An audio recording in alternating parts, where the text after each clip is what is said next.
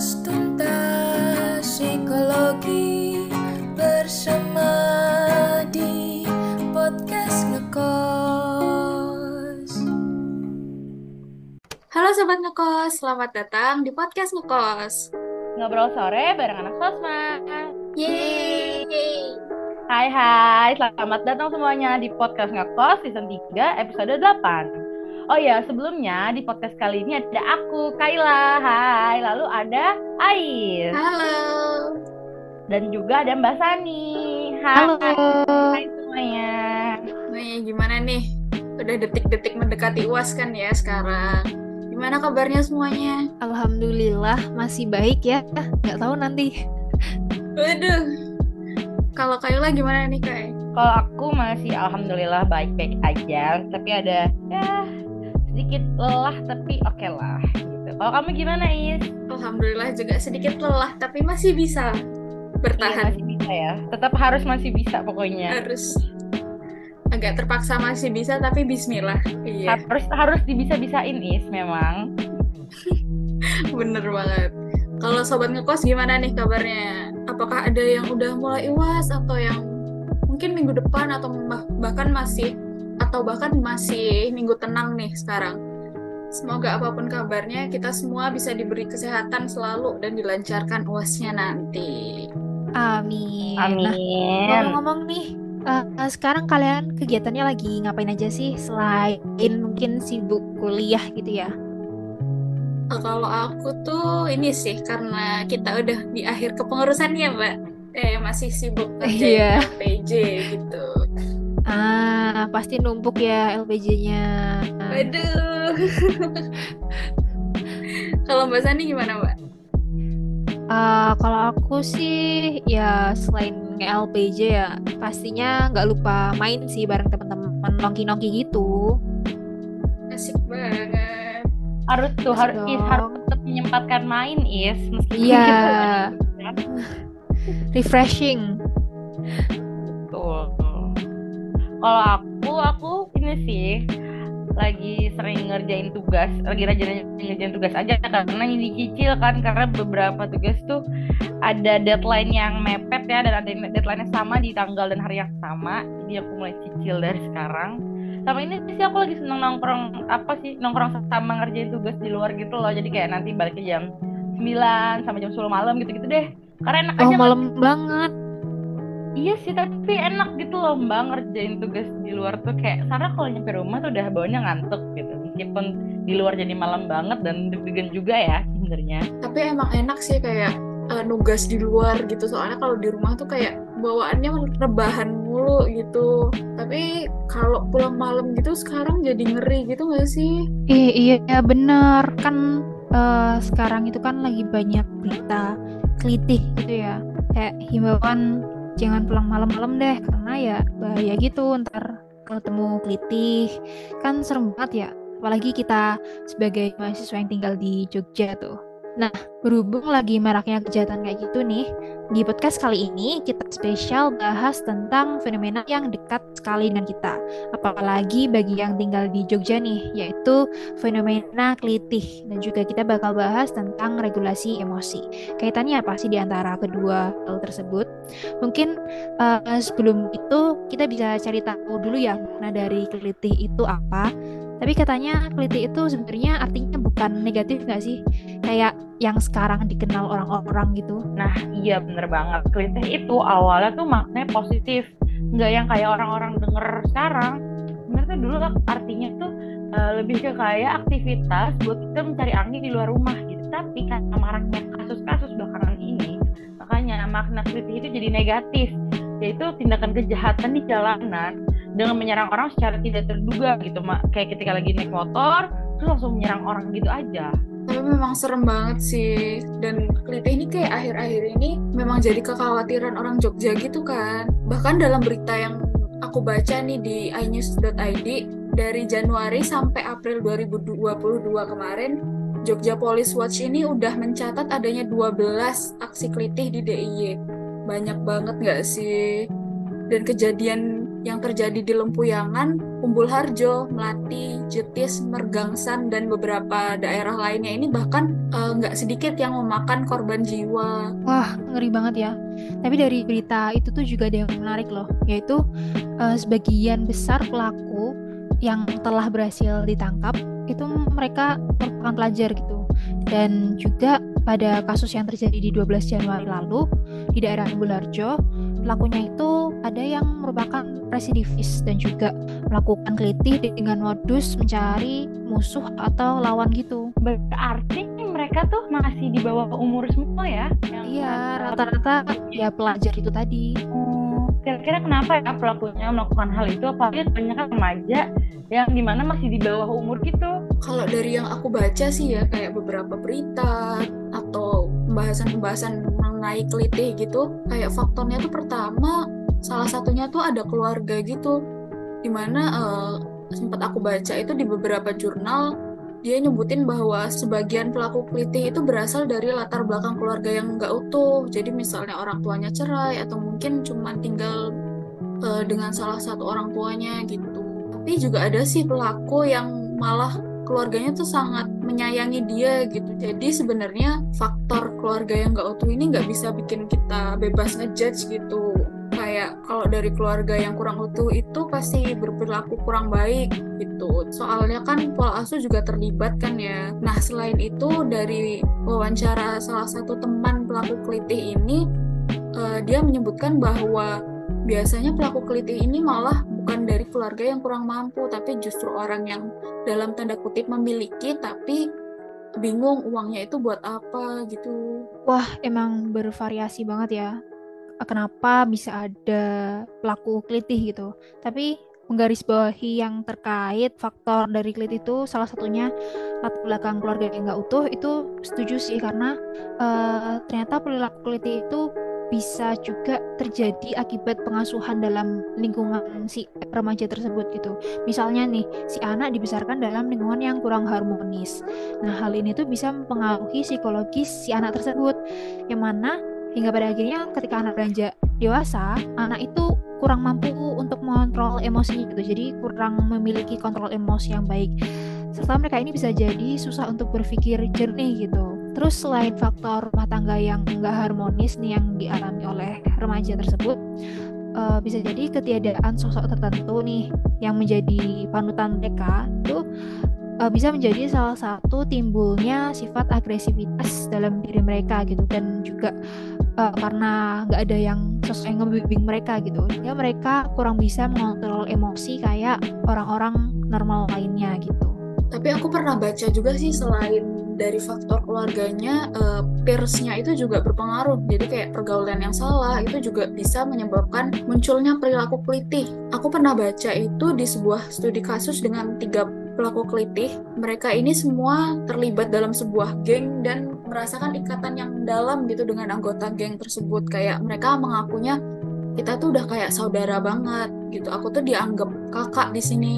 Dan salah satu pelaku ini juga mengaku dia juga mendapat doktrin dari seniornya gitu. Makanya dia terpacu untuk melakukan kelitih. Dan penyebab mereka masuk ke dan uh, gampang buat didoktrin sama teman sebayanya yang kurang baik ini itu dapat didorong oleh adanya krisis identitas karena remaja kan uh, lagi dalam masa pencarian diri ya kalau lingkungan terdekat tidak dapat membantunya untuk menemukan jati diri atau identitas mereka maka uh, mereka cenderung buat berusaha untuk menemukan kelompok yang mampu memberikan identitas dan akan merasa apa ya merasa attach gitu dengan kelompok tersebut terlepas dengan baik atau buruknya uh, lingkungan tersebut. Nah benar banget ya remaja itu kan lagi dalam proses mencapai tugas perkembangannya gitu ya. Mana remaja itu uh, keberhasilan remaja dalam tugas perkembangannya itu dicapai ketika mereka berhasil dalam menjalin hubungan sosial. Namun terkadang diabaikannya seorang remaja dalam lingkungan mereka kayak lingkungan sekolah gitu, lingkungan tempat tinggal itu juga turut memicu perilaku agresif dalam diri mereka yang pada akhirnya itu menjurus kepada tindakan kriminal gitu dan juga mungkin mereka kurang mendapatkan kasih sayang gitu. Dan perhatian di lingkungan yang mereka miliki alhasil mereka membutuhkan uh, lingkungan yang memberi mereka perhatian juga gitu yang bisa menerima mereka akhirnya bisa menjurumus kepada uh, kelompok yang berbau kriminal itu tadi salah satunya kelompok litih. Setuju banget sih, memang perilaku seseorang itu bisa dibentuk sama interaksi dia dengan lingkungannya juga sih ya, dari lingkungan keluarga sampai lingkungan teman sebayanya. Nah, tapi kan kelitih ini kan kayak berita lama gitu ya. Tapi kenapa ya penanganan kelitih ini kayak jatuhnya nggak menghasilkan gitu selama ini? Jadi, kelitih ini kan bentuknya kekerasan ya seperti kenakalan remaja atau budaya kekerasan ini tuh e, dibiarkan gitu aja sama masyarakat seperti yang lazim buat terjadi gitu. Tapi solusi yang dikasih itu bukannya e, soal penanganan kelitihnya ini, tapi malah ke masyarakatnya buat kita yang nggak pulang malam atau yang kayak harus berhati-hati buat laut jalan sini-sini gitu. Jadi kita e, tidak memiliki rasa aman gitu buat e, keluar rumah seperti itu atau pulang ke rumah juga gitu Nah, untuk penanganan krisis ini tuh perlu kerjasama antara lembaga pendidikan, keluarga, dan masyarakat juga untuk menanggulangi krisis. Ah, bener banget.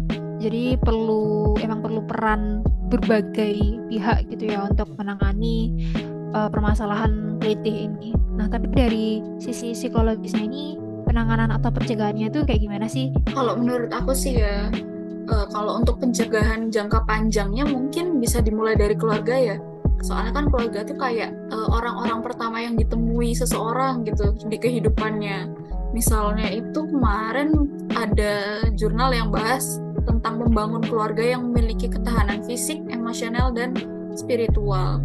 Dan selain keluarga mungkin juga bisa dari diri sendiri. Misalnya dengan memilah atau memilih lingkup pertemanan kita dan belajar untuk uh, membangun boundaries atau batasan dengan teman. Jadinya jadinya misalnya kita diajakin untuk berbuat yang kurang baik itu kita bisa nolak gitu.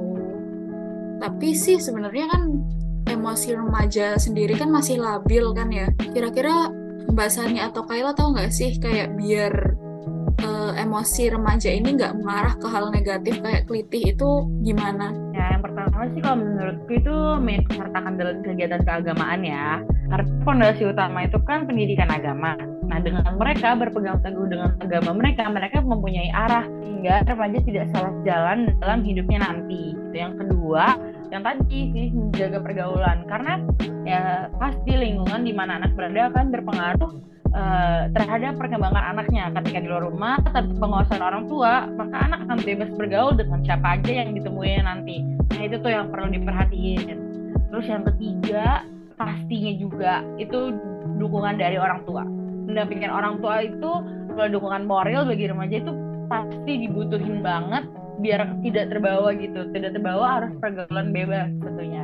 Dan yang terakhir menurutku sih mengajarkan regulasi emosi ya agar emosi yang dirasakan remaja itu tidak mengarahkan ke perilaku yang buruk gitu. Jadi mereka tidak melampiaskan uh, emosi mereka ke hal yang negatif gitu. Kalau menurutku tuh seperti itu sih Nah, ngomong-ngomong masalah regulasi emosi, selain untuk mencegah emosi mempengaruhi perilaku ke hal buruk, kira-kira regulasi emosi itu pentingnya apa aja sih selain itu? Nah, karena suatu emosi yang berlebihan itu misalnya nggak cuma marah, tapi juga misalnya sedih, kecewa, dan lain-lain itu dapat mengganggu keberfungsian kita gitu ya dalam sehari-hari gitu. Jadi dengan kita bisa belajar, kita belajar untuk meregulasi emosi kita, uh, ke depannya itu kita dapat menghindarkan emosi untuk mengaruhi keberfungsian kita sehari-hari gitu. Misalnya kita nggak jadi cepat marah, kita nggak jadi cepat kecewa gitu dan ya kehidupan kita bakalan lebih uh, lancar gitu rasanya. Berarti sebenarnya regulasi emosi itu penting ya buat kehidupan kita sehari-hari juga gitu. Tapi gimana ya caranya buat ngelatih dan ingatin kemampuan kita buat meregulasi emosi yang kita punya? Berarti sebenarnya regulasi emosi itu penting ya buat uh, kehidupan kita sehari-hari gitu. Tapi uh, mungkin banyak juga nih sobat ngekos yang belum tahu gimana caranya buat melatih dan juga buat meningkatin kemampuan regulasi emosi. Gimana tuh kira-kira? Ada yang mau ngasih saran? Kalau dari yang aku tahu sih ya, regulasi emosi itu bisa ditingkatkan atau dilatih gitu dengan pertama bisa dengan mengenal serta uh, bisa memberi nama gitu pada emosi yang kita rasakan. Misalnya kita lagi sedih terus kita kayak uh, bikin notes ke diri kita oh aku lagi sedih gitu.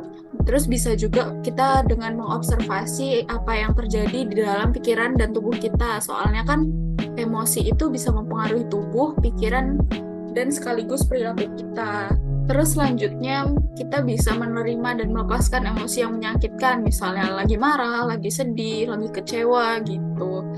Dan yang terakhir mungkin kita bisa menguatkan reaksi yang sehat dan meningkatkan emosi positif. Gitu sih setahu aku belajar dari internet dan sumber-sumber lainnya. Wah, udah lumayan panjang banget ya pembahasan kita mengenai regulasi emosi dan juga tentang fenomena kelitih di podcast kali ini. Ya emang untuk memberantas kelitih itu penanganannya harus dilakukan secara komprehensif gitu.